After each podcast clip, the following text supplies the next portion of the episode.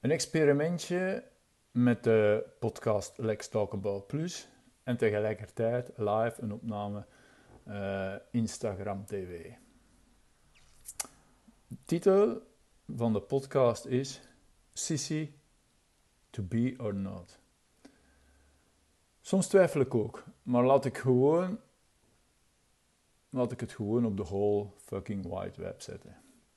Je hebt me waarschijnlijk zelf ook al gemerkt dat ik meer en meer stilsta bij mezelf, waarvoor ik sta, waarvan dat ik ga kwispelen. Ik vind dat een schoon woord. Denk dan die een hond, waar dat een blij van wordt, wat dat ik graag doe. Maar vooral wat dat mij energie geeft. Dus kortom, ik hou van reflectie, ik denk graag na en dan ga ik via intenties naar acties. En een actie kan ook gedraging zijn, gewoonteverandering, whatever. Nu, om kort te wijzen, de volgende vraag komt regelmatig terug en ik kreeg ze vandaag nog eens op mijn bord. Lex Maat, zeg jij een softie geworden of wat? voor de Nederlandse vrienden.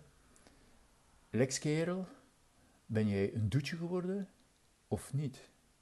Wel, als je die vraag aan goede vrienden van mij gaat stellen, dan gaan die me zeker geen doetje vinden, maar eerder een klootzak. Nu, dat is niet veel beter natuurlijk, maar dat verwacht ik nu eens van goede vrienden. Uh, vanwege hun eerlijkheid. Want uiteindelijk, mijn bedoeling was zo authentiek mogelijk te zijn. Dus ik zet stilletjes aan maskers af, meer en meer maskers af, en ze zien een persoon van mij, ze zien mezelf gelijk dat ze het niet meer gewoon zijn. En ja, voor sommigen komt dat over als dat ik een klootzak ben. En trouwens, als dat je mening is dat van klootzak zijn, dan hebben ze sowieso gelijk.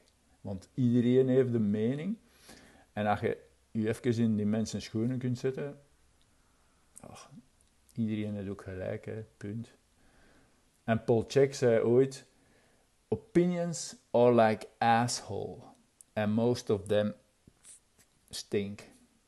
Dus opinions, mening. En assholes, klootzakken, dat is echt van toepassing hier. Dus opinions are like assholes and most of them stink. Hiermee er ook mijn stinkende mening.